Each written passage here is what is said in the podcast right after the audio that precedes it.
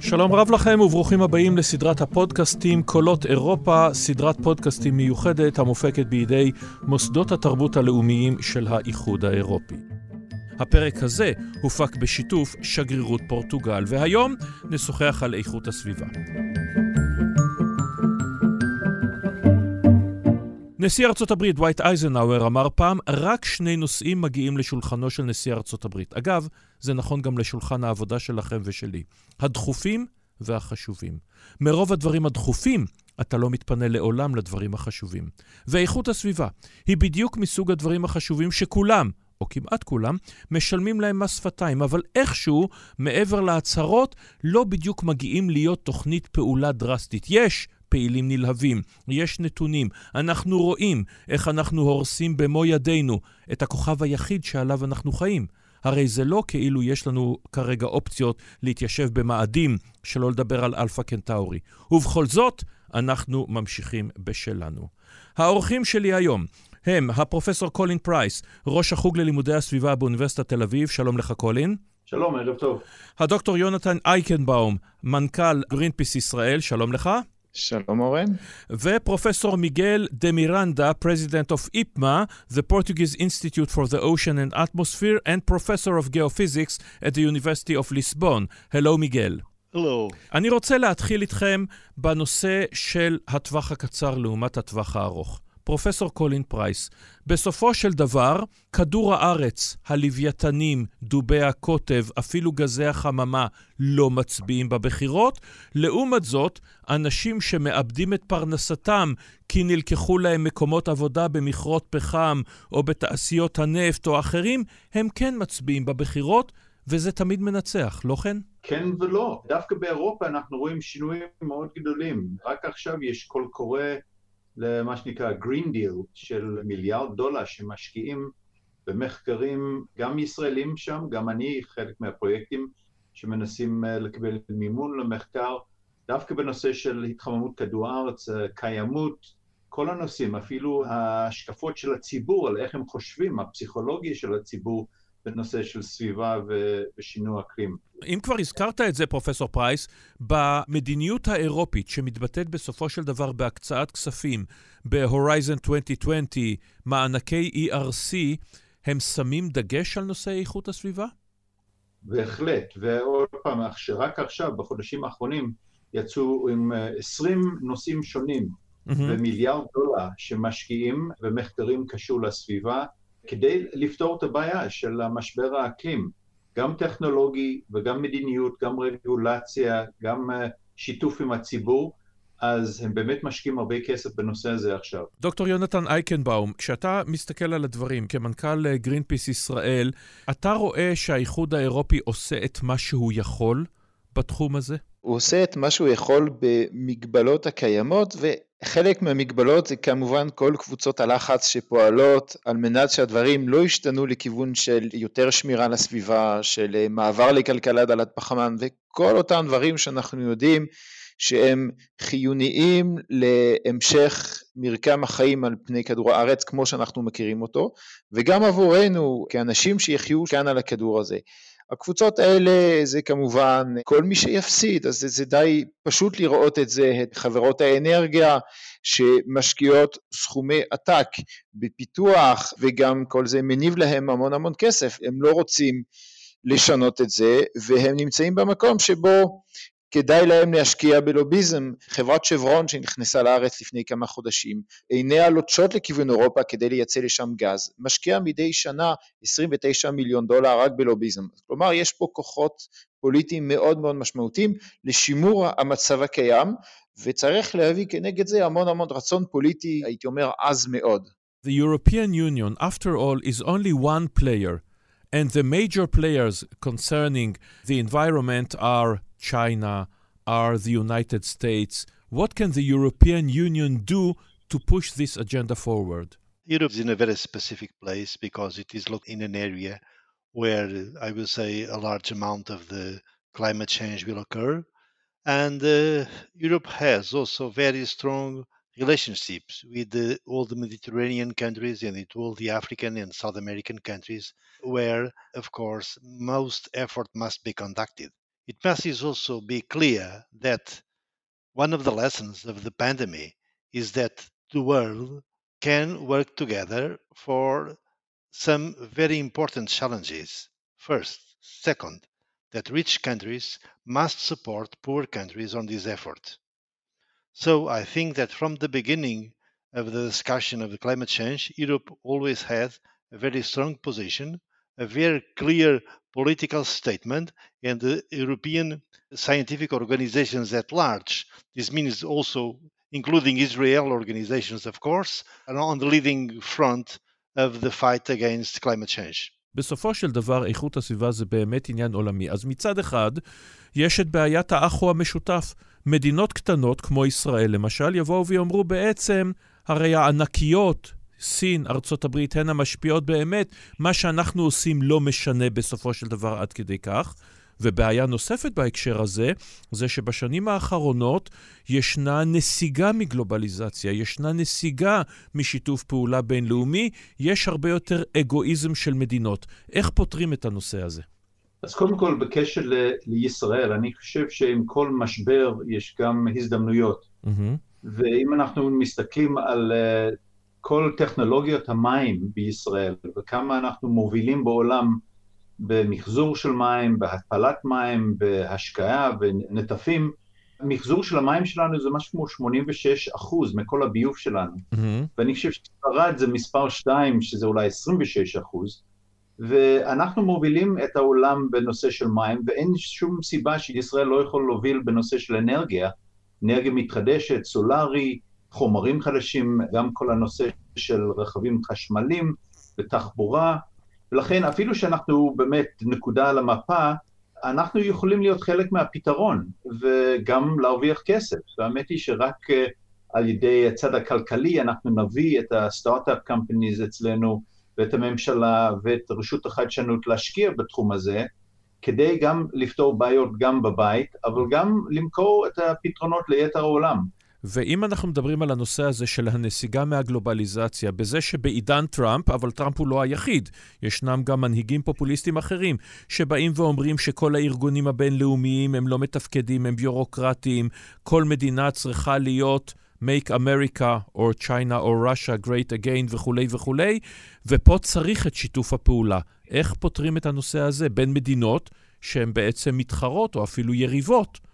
אבל בתחום הזה הן צריכות לנהל חזית אחת. נכון, אז יש מדינות שהולכות לכיוון הזה כמו ברזיל וארצות הברית ואולי עוד כמה מדינות, אבל אה, דווקא בסין mm-hmm. ובהודו, בעיקר בסין, אנחנו רואים שהם מובילים את כל הכיוון הזה לאנרגיה מתחדשת, חדשנות, נכון שהם גם גורמים להרבה זיהום, אבל הסינים מובילים את הדרך היום בנושא של סביבה וטכנולוגיות לפתרונות לסביבה, ראיתי לפני שנה בכנס מפה של העולם שהסינים רוצים לרשת את כל העולם ולבנות חוות ענקיות של אנרגיה סולארית, למשל בסהרה, ולמכור את החשמל לאירופאים ולשים כבלים בכל העולם. עכשיו זה אולי חלום לעוד מאה שנה וטריליונים של דולרים, אבל הם כבר חושבים על זה. והם חושבים על הפתרונות מפני שאצלהם אנשים לא יכולים לנשום שם, mm-hmm. תוצאה מהזיהום האוויר. אז דווקא הסינים מובילים את כל התנועה, כולל האירופאים. האירופאים באמת, כל המדינות שם, כולל ה-Green Deal עכשיו, mm-hmm. משקיעים הרבה כסף כדי לפתור את הבעיה. אז אני חושב שמשאירים את האחרים מאחורה, mm-hmm. וזה הולך לפגוע בכלכלות שלהם. דוקטור יונתן אייקנבאום, אם אתה צריך לשים את האצבע על הסעיף הקריטי ביותר, הדחוף ביותר, מה הוא יהיה? הוא יהיה מחזור של חומרים מתכלים כמו פלסטיק, זה יהיה הפסקת השימוש בדלקים פוסיליים, זה יהיה ההתחממות הגלובלית, זה יהיה השמדת בעלי החיים. איך אנחנו מתמודדים עם גלובליזציה? אני חושב שהדוגמה המובהקת לזה היא דוגמה של הרס האמזונס, הרס אדיר, אנחנו מדברים על עשרות אלפי קילומטרים רבועים שנחתו השנה. נשיא ברזיל אומר, זאת הריבונות הברזילאית. ואנחנו באים ואומרים יש עניין משותף לאנושות ואפילו לדורות הבאים בחלקת יער שיושבת אצלך במדינה. אם יש מגמה של הסתגרות ומפנים עורף לגלובליזציה אז אולי הדרך לפתור את זה זה הכלי הכלכלי ופשוט להתחיל להגביל את היבוא של מוצרים שמגיעים והורסים את המקומות האלה. אני לא מאמין שאני הולך טיפה להגן על בולסונארו, אבל בכל זאת, בוא נשאר לרגע בתחום הזה של ריבונות. יש אכן מושג של ריבונות. אף מדינה לא רוצה שהאנושות, האו"ם, whoever, יבואו ויגידו, תשמעו, לטובתכם ולטובת האנושות אתם צריכים לשנות דברים. אומרת ברזיל, אני לרגע אייצג אותם, אומרת, סליחה, אנחנו רוצים להעלות את רמת החיים שלנו לרבע מרמת החיים האירופית. אתם אומרים שהמזון הזה משאב של האנושות? בבקשה, תתכבד האנושות ותשלם לנו מיליארדים עליו. אז תבואו לדבר. קיימת דרך פשוטה להתמודד עם הבעיה והמכשולים שאתה מצביע עליהם. היום ארגון השכר העולמי שהוא ללא ספק הערכה הבינלאומית העוצמתית ביותר קובעת חוקים, מדינה לא יכולה להגביל ייבוא של מוצרים אחרים, אבל אם ייקבע בעתיד מס פחמן ולכל מוצר יהיה מחיר שהוא בהתאם לכמות של פחמן דו חמצני, לכמות של גזי חממה שהוא פולט, אז ברור שבקר שמגיע מברזיל יש לו עלות, ואם ברזיל מייצאת את הבקר הזה אז מותר לעשות עיצומים, זאת אומרת להעלות את המחיר של הבקר הזה, וזהו כלל מאוד פשוט שעשוי לפתור את הבעיה כולל את הבעיה של הריבונות. אם עכשיו אני צריך לבחור איזשהו תחום אחד שבו אנחנו צריכים להשקיע, לא מבחינת החשיבות, אני לא אסתכל על הבעיה אלא אני אסתכל על הצד של הפתרון, אז התחום הזה זה אגירת אנרגיה. אם אנחנו נשקיע מה שצריך באגירת אנרגיה, אנחנו נצליח להאיץ באופן מאוד משמעותי את המעבר לאנרגיות מתחדשות, ל-80, 90, 100 אחוז אנרגיות מתחדשות, ובכך אנחנו נגביל מאוד את סוגיית משבר האקלים. זה לא אומר שלא יהיו בעיות אחרות, אבל לפחות הבעיה הזו, נושא ההגירה למעשה שם זה הנקודת, הנקודת המפנה. פרופסור מירנדה, your country, Portugal, you know, is so identified with the ocean.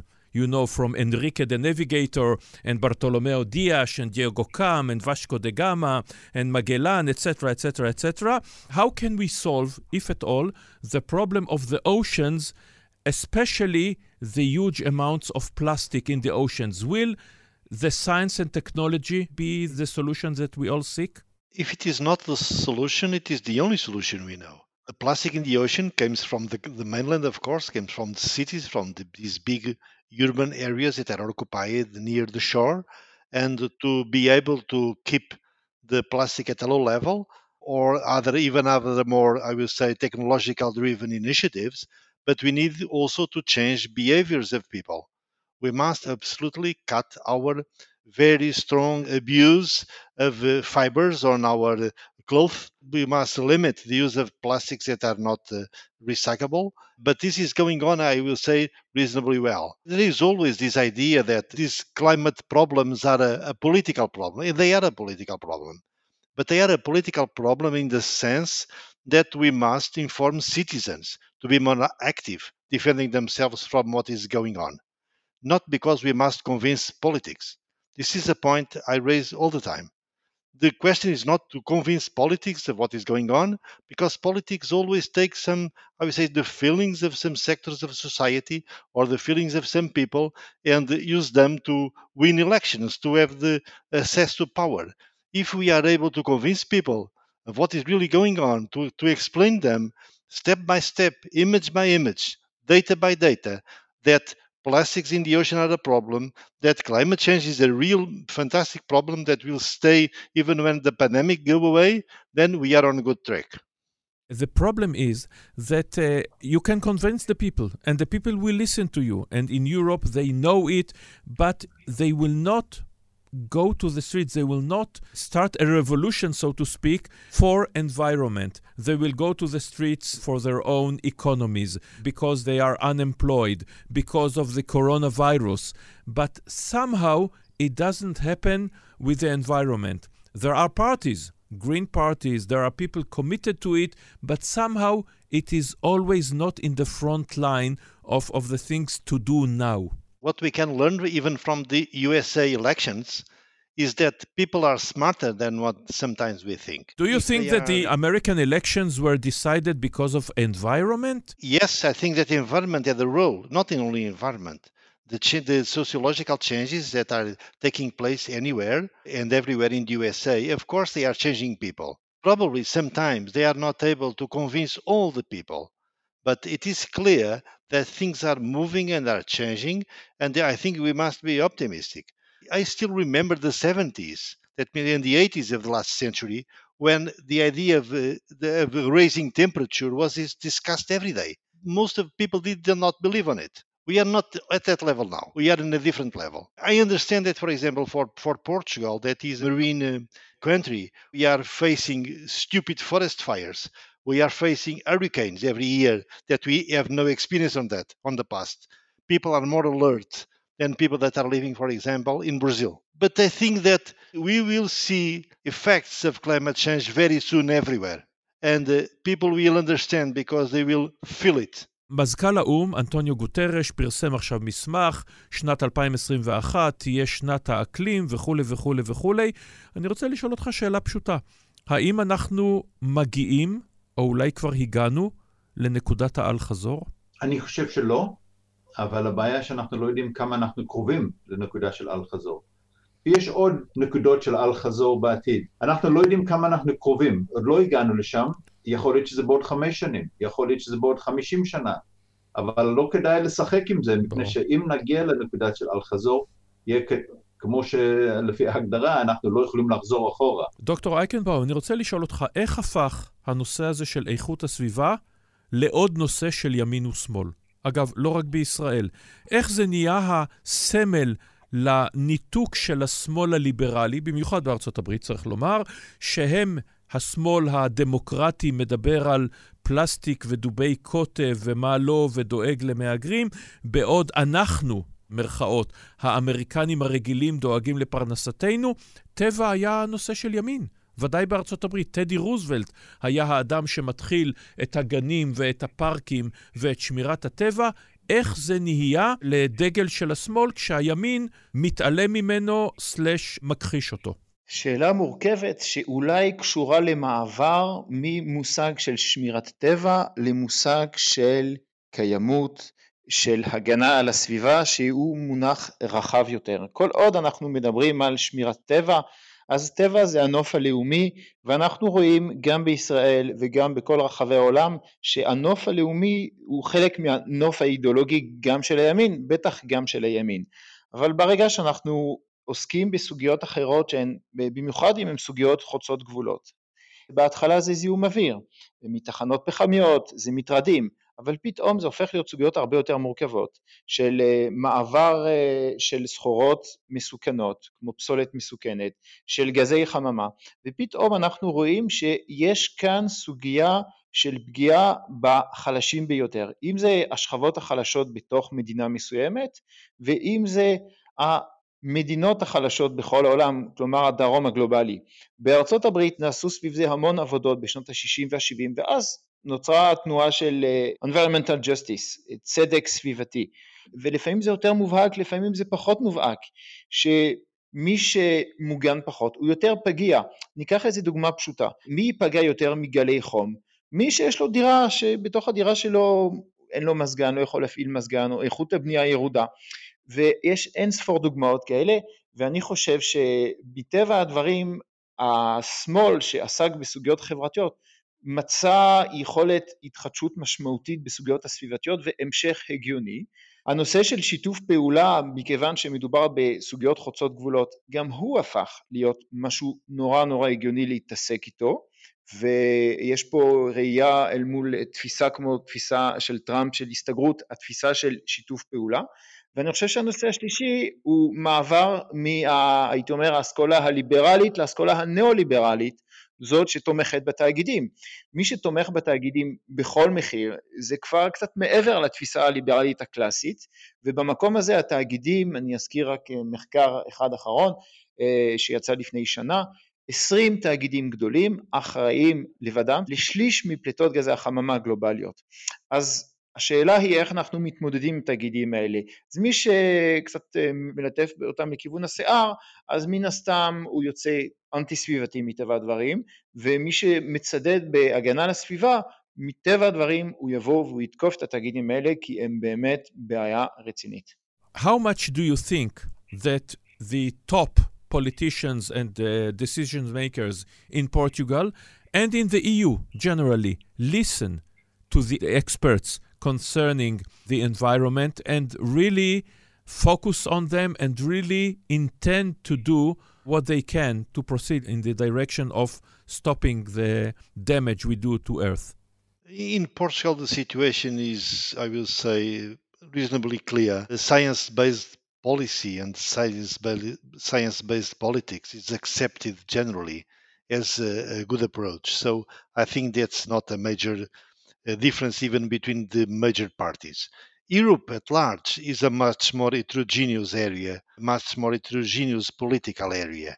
And in some situations, it is not still completely clear and accepted that most of the situations must be science based. However, we must also keep in mind that science based politics also have intrinsic problems because you know science has controversy science is never definitive and the politicians must decide on a glance they must decide each day each second we must be able to create a situation where politics have advantage in following science based politics.